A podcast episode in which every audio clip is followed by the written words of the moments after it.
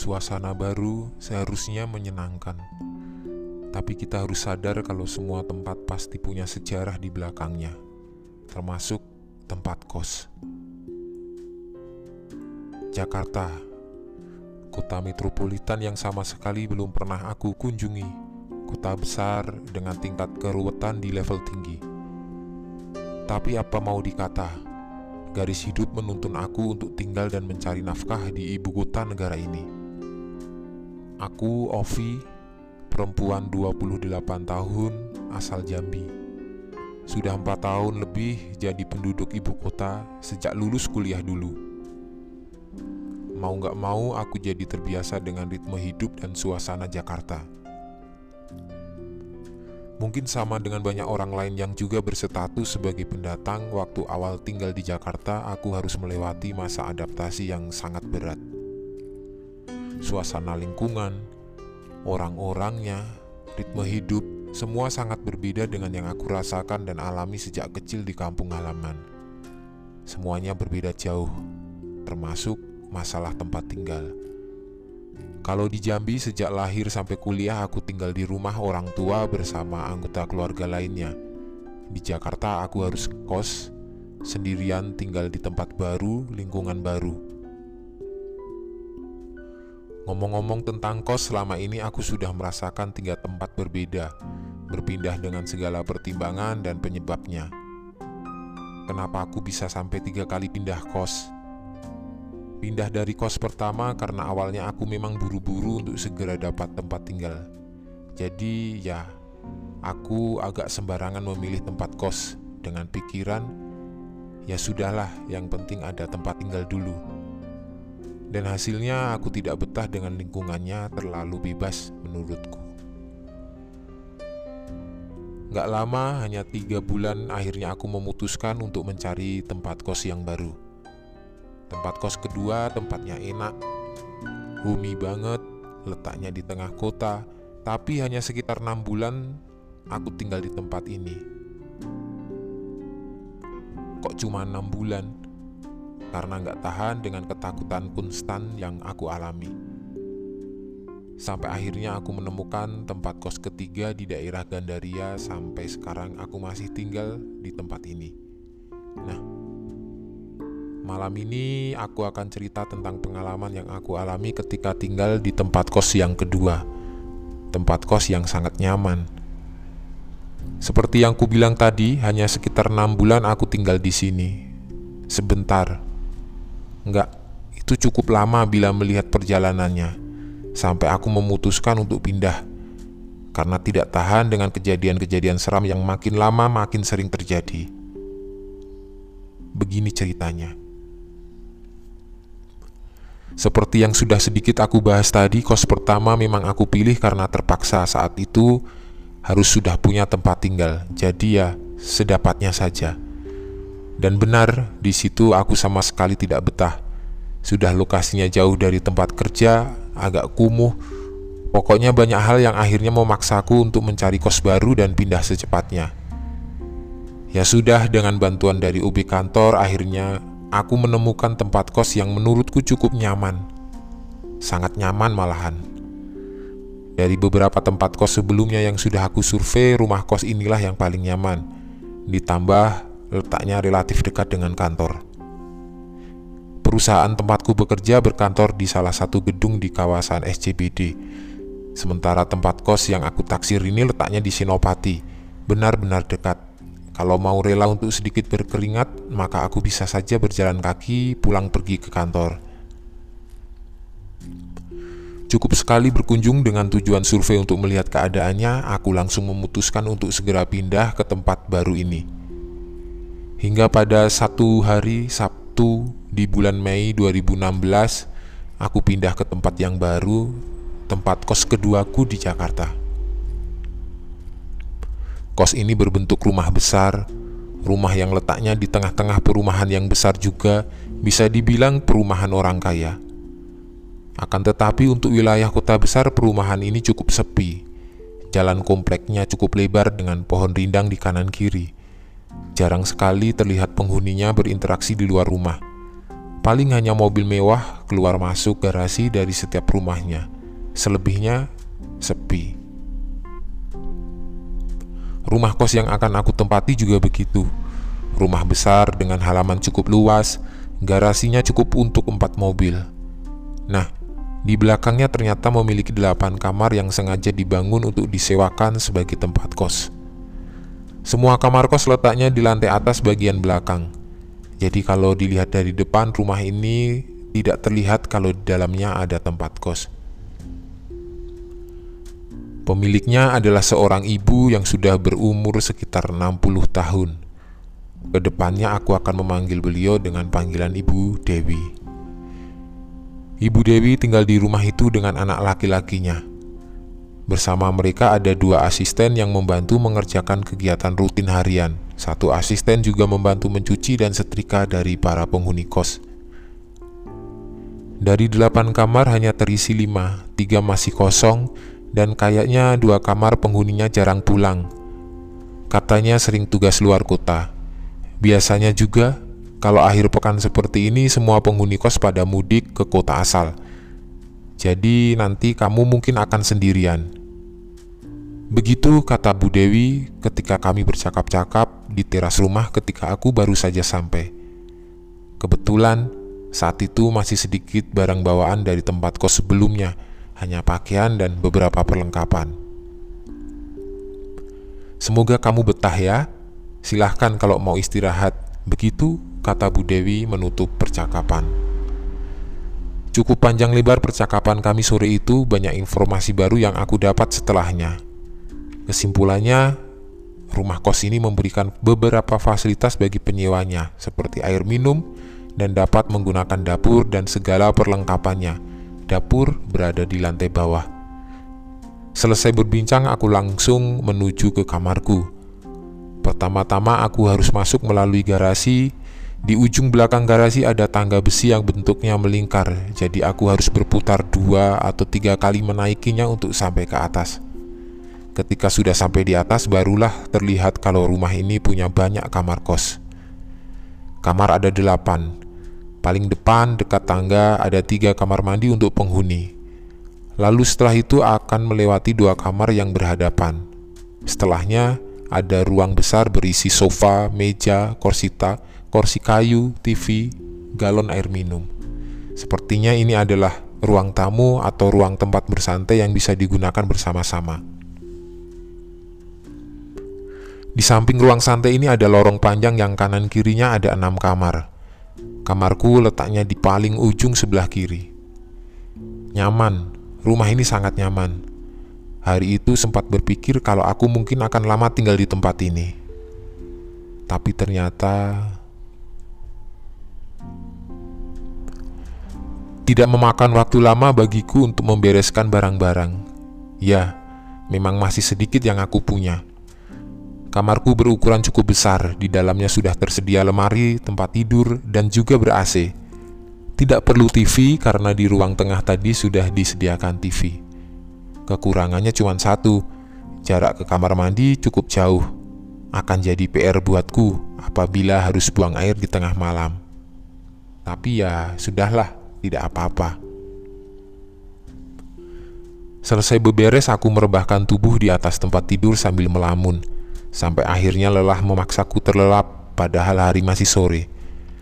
Cukup lama aku tertidur sampai akhirnya terbangun kaget karena sadar kalau ternyata sudah hampir jam 9 malam.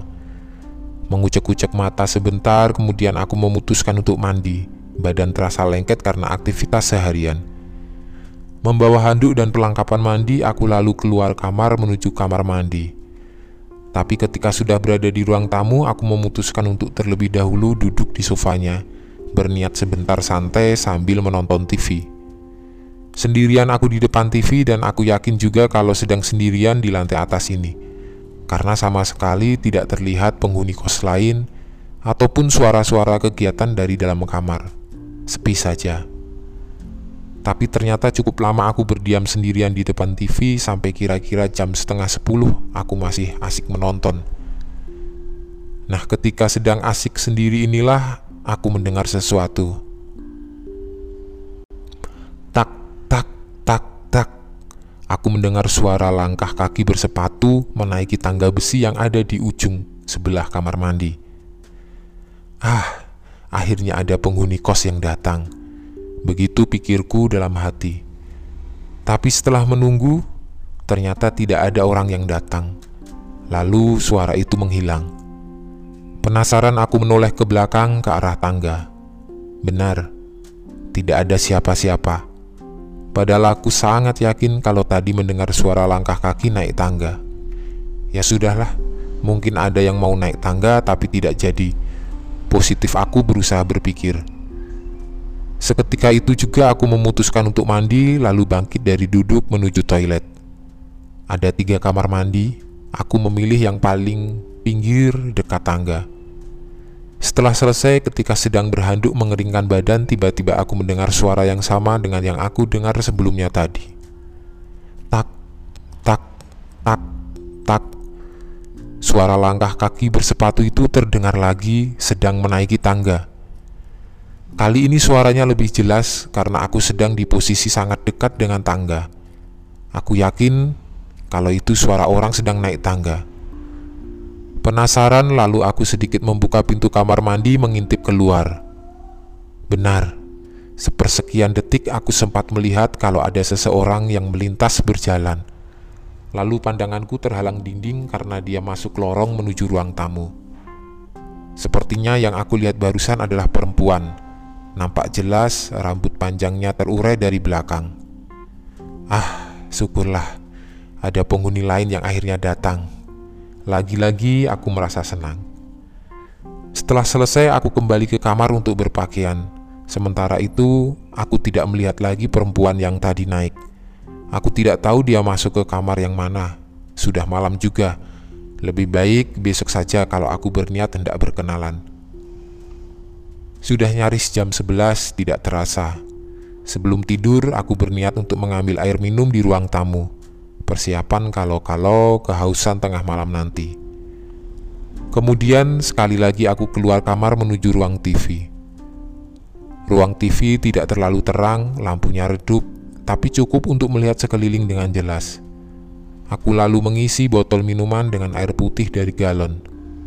Setelah selesai, aku melangkah lagi ke kamar. Ketika sedang tepat berada di depan kamar yang letaknya persis di depan kamarku, selintas aku mendengar sesuatu. Ada suara tawa perempuan dari kamar itu. Suara tawa diselingi dengan gumaman tidak jelas. Oh, ternyata perempuan tadi kamarnya di sini. Begitu pikirku. Tidak terlalu penasaran, lalu aku masuk ke kamar dan menutup pintu. Di kamar tidak langsung tidur karena sore tadi tidurku cukup lama jadinya rasa kantuk tidak juga muncul sampai tengah malam. Selama itu aku hanya bermain HP, scrolling, menatap timeline medsos. Sampai akhirnya sekitar jam 1 ada kejadian aneh. Ada yang menarik perhatian. Awalnya aku mendengar suara kalau sepertinya kamar yang persis di depanku pintunya terbuka. Sepertinya penghuninya hendak keluar. Tapi setelah pintu terbuka itu kedengaran apa-apa lagi, hening dan sepi. Sampai akhirnya aku mendengar ada suara perempuan sedang menangis. Iya, ada perempuan menangis. Aku lalu berdiri melangkah mendekati pintu, mendekatkan telinga, menajamkan pendengaran, coba menangkap suara dari luar. Benar, ada perempuan menangis terseduh-seduh bukan menangis dengan suara keras tapi pelan tertahan. Aku yakin juga kalau suara itu asalnya bukan dari dalam kamar, tapi dari lorong depan. Ada perempuan sedang menangis di depan kamarku. Seketika itu juga batinku berperang antara hendak membuka pintu lalu melihat keluar atau membiarkannya saja lalu kembali tidur.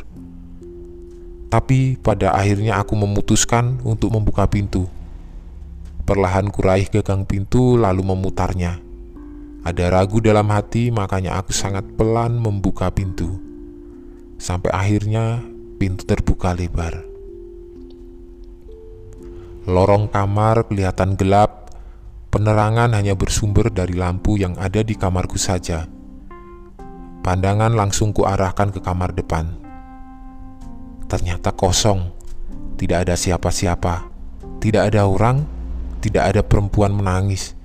Pintu kamar depan juga dalam keadaan tertutup rapat. Lalu, siapa yang menangis tadi? Tiba-tiba aku merinding, seketika itu juga langsung menutup pintu. Di atas tempat tidur, aku mulai ketakutan. Siapa perempuan yang menangis tadi? Entahlah. Intinya malam minggu itu aku habiskan dengan tidur tidak nyenyak memikirkan peristiwa yang baru terjadi sebelumnya. Hari minggunya aku bangun siang sekitar jam 11 baru benar-benar terjaga. Setelah itu aku memutuskan untuk mandi. Tapi ketika lewat ruang TV dalam perjalanan menuju toilet, aku melihat ada seseorang sedang duduk menonton TV. Eh, penghuni baru ya? Perkenalkan, aku Aldi. Hehe. Aldi. Saat itu juga kami berkenalan, lalu berbincang panjang lebar. Aldi sepertinya laki-laki yang baik dan menyenangkan. Kantornya di SCBD juga sama seperti aku. Aku biasanya kalau weekend pulang ke Karawang, tapi semalam nginep di kosan temen sih, baru sampai ini juga. Begitu Aldi bilang. Sendirian dong, kamu di sini tadi malam ya? Kan pada minggat kalau weekend. Enggak bang, kayaknya sekitar jam 10-an gitu ada yang datang deh, jawabku. Lah, tumben, siapa yang datang? Yang di kamar mana? Itu bang, Kamar itu, jawabku lagi sambil menunjuk kamar yang letaknya di belakang TV persis di depan kamarku. Emang ada orang baru juga? Tanya Aldi lagi. Gak tahu bang, setauku yang pindahan kemarin cuman aku deh. Oh gitu. Aldi mengangguk pelan, tapi dari raut wajahnya kelihatan kalau dia sepertinya agak bingung mendengar jawabanku. Setelah itu Aldi seperti sengaja mengalihkan pembicaraan. Dari percakapan siang itu aku jadi dapat info tambahan tentang tempat kos ini. Menurut Aldi yang paling sering tinggal di sini hanya dia dan Asti. Dua penghuni lainnya jarang sekali kelihatan. Waktu itu Asti sedang mudik ke rumahnya di Bandung. Siang hingga menjelang sore aku habiskan berbincang dengan Aldi. Senang rasanya punya teman baru yang menyenangkan. Hari-hari berikutnya aku jalani di rumah ini sampai akhirnya bisa kenal dengan semua penghuni kos. Tapi seiring berjalannya waktu, semakin banyak kejanggalan dan keanehan yang aku rasakan. Awalnya hanya kejanggalan dan keanehan kecil yang bisa dianggap remeh. Contohnya seperti aku mendengar suara orang naik tangga padahal tidak ada siapa-siapa. TV yang tiba-tiba menyala sendiri dengan volume tinggi Galon air minum mengeluarkan suara seperti ada yang menuangkan air, padahal tidak ada orang sama sekali. Keanehan itu banyak terjadi ketika aku sedang benar-benar sendirian di kos itu. Di akhir pekan, ketika semua penghuninya mudik atau bermalam di tempat lain, kecuali aku. Awalnya, semua kejanggalan itu aku anggap angin lalu, tidak memperdulikannya, tapi lama-kelamaan semakin menjadi-jadi Sementara penghuni kos lain seperti menghindar ketika aku membuka percakapan untuk membahasnya. Semua seperti hendak menutupi sesuatu. Yang mulai mengganggu, aku semakin sering mendengar suara perempuan menangis, kadang tertawa, atau kadang seperti sedang bicara sendirian. Semua itu aku mendengarnya dari kamar depan atau lorong depan kamar. Siapa perempuan itu? Aku tidak tahu. Karena yaitu tadi, penghuni lain tidak pernah mau menjelaskan. Ya sudah, aku anggap penghuni kamar depan mungkin salah satu penghuni yang sering keluar kota. Mungkin saja. Sampai akhirnya ada kejadian sangat seram yang membuat aku memutuskan untuk pindah mencari kos lain.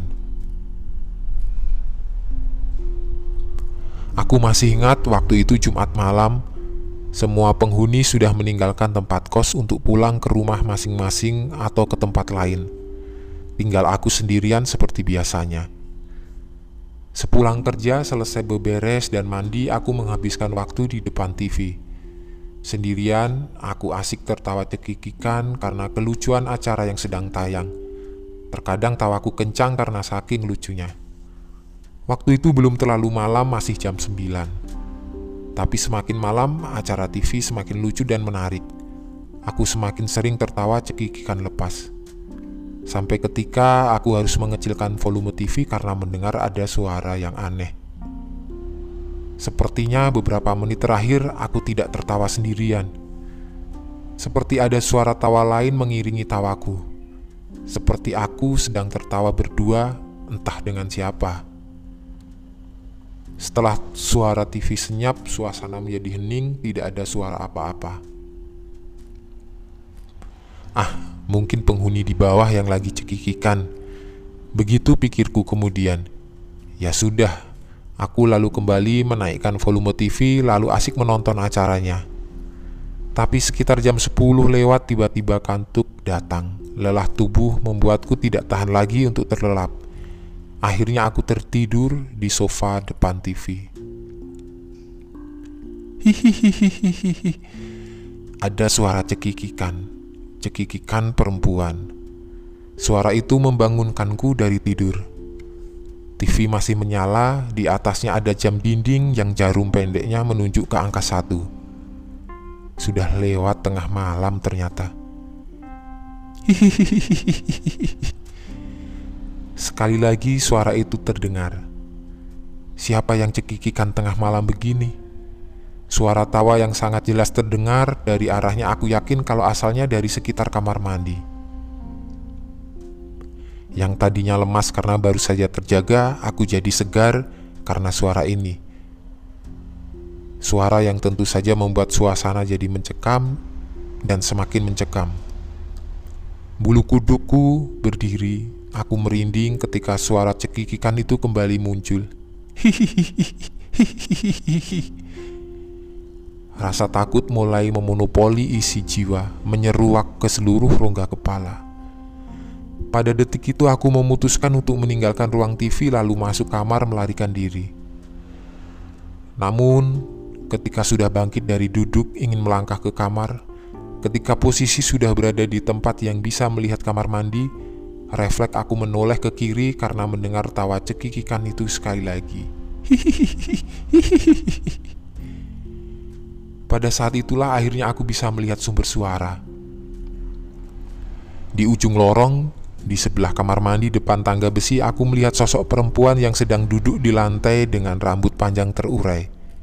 Wajahnya pucat dengan lingkar gelap di sekitar mata. Dengan mimik seram, lagi-lagi dia tertawa cekikikan sambil menatap tajam. Sontak aku langsung mempercepat langkah menuju kamar, sangat ketakutan. Tapi ketika sudah tepat berada di depan pintu, lagi-lagi aku melirik ke tempat sosok perempuan seram itu berada semakin mengerikan karena ternyata dia sudah tidak ada di posisinya, sudah tidak duduk lagi. Sosok seram itu kini sedang berjalan pelan menyusuri lorong menuju tempat aku berada. Tuhan, aku takut. Dari ujung mata aku masih dapat melihat kalau perempuan itu semakin dekat dan semakin dekat. Tapi akhirnya aku sukses membuka pintu, cepat-cepat masuk kamar lalu menutup pintu rapat-rapat. Tempat tidur adalah tujuan utama. Sambil berselimut ketakutan, aku terbaring di atasnya. Suasana semakin mencekam karena selama itu pula suara tawa kecikikan tadi terus terdengar semakin jelas dan semakin dekat. Sampai akhirnya suara tawa berhenti, sepertinya berhenti tepat di depan pintu kamar. Seketika itu, suasana menjadi hening dan sepi, tidak ada suara sama sekali. Perlahan, aku menarik selimut hingga menutup tubuh sampai sebatas mulut. Ketika melihat gagang pintu kamar bergerak-gerak dengan sendirinya, ada yang coba membukanya dari luar. Sial, aku tadi lupa mengunci pintu. Gemetar tubuhku menyaksikan itu semua. Desir darah terasa mengalir lebih cepat dari biasanya. Nyaris menangis ketika akhirnya aku melihat sosok perempuan yang menyeramkan itu tengah berdiri di luar kamar ketika perlahan pintu akhirnya terbuka. Dia berdiri menatap tajam, tersenyum dengan wajah datar tanpa ekspresi. Kemudian dia mulai bergerak masuk ke dalam kamar. Aku yang sudah di puncak ketakutan melihat itu semua langsung menarik selimut hingga menutup wajah lalu memiringkan tubuh jadi menghadap dinding. Tidak tahan lagi aku menangis pelan. Sekali lagi tertawa, kali ini jelas terdengar kalau dia sedang berdiri tepat di belakangku di samping tempat tidur. Beberapa belas detik kemudian kejadiannya semakin parah. Aku merasa kalau seperti ada yang mengisi ruang kosong di atas tempat tidur. Ada yang merebahkan tubuhnya di sampingku. Aku merasakan ada yang menempel di punggungku. Aku yakin kalau sosok perempuan menyeramkan itu sedang terbaring di atas tempat tidurku bersamaku.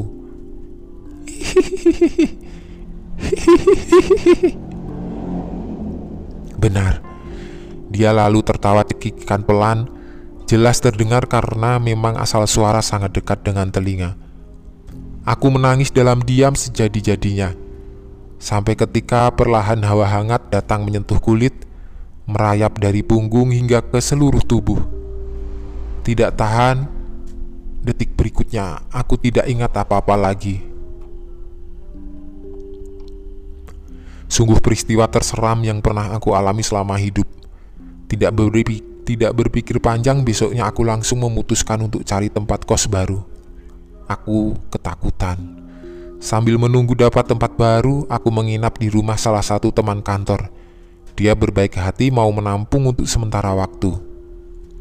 Selang seminggu kemudian aku bertemu Aldi di tempat kos. Pada saat itulah kami akhirnya bisa berbincang panjang lebar ketika memutuskan untuk makan malam bersama. Jadi kamar depan kamar kamu itu kosong dari dulu. Tidak pernah ada yang tahan lama tinggal di situ. Termasuk kamar kamu juga sering kosong. Aku tahu ceritanya dari penghuni kos lama yang sudah pindah. Kosan itu emang serem, angker. Makanya aku juga mau pindah. Minggu depan lah aku pindah ke kos baru. Asti juga sudah duluan pindah kemarin. Sama, dia juga ketakutan. Hehehe. Katanya dulu banget di kos itu pernah ada yang meninggal, perempuan. Tidak jelas kenapa meninggalnya, tapi aku tidak tahu di kamar yang mana. Makanya aku seneng akhirnya kamu pindah juga. Aldi menjelaskan panjang lebar. Aku hanya ternganga mendengar ceritanya. Kenapa tidak cerita dari awal sih bang? Tega banget Aku bilang begitu. Ya nggak enak lah. Masa iya aku sudah cerita begituan sama anak baru. Begitulah cerita dari Aldi semakin membulatkan tekadku untuk pindah. Sampai akhirnya menemukan tempat kos baru yang aku tempati sampai sekarang.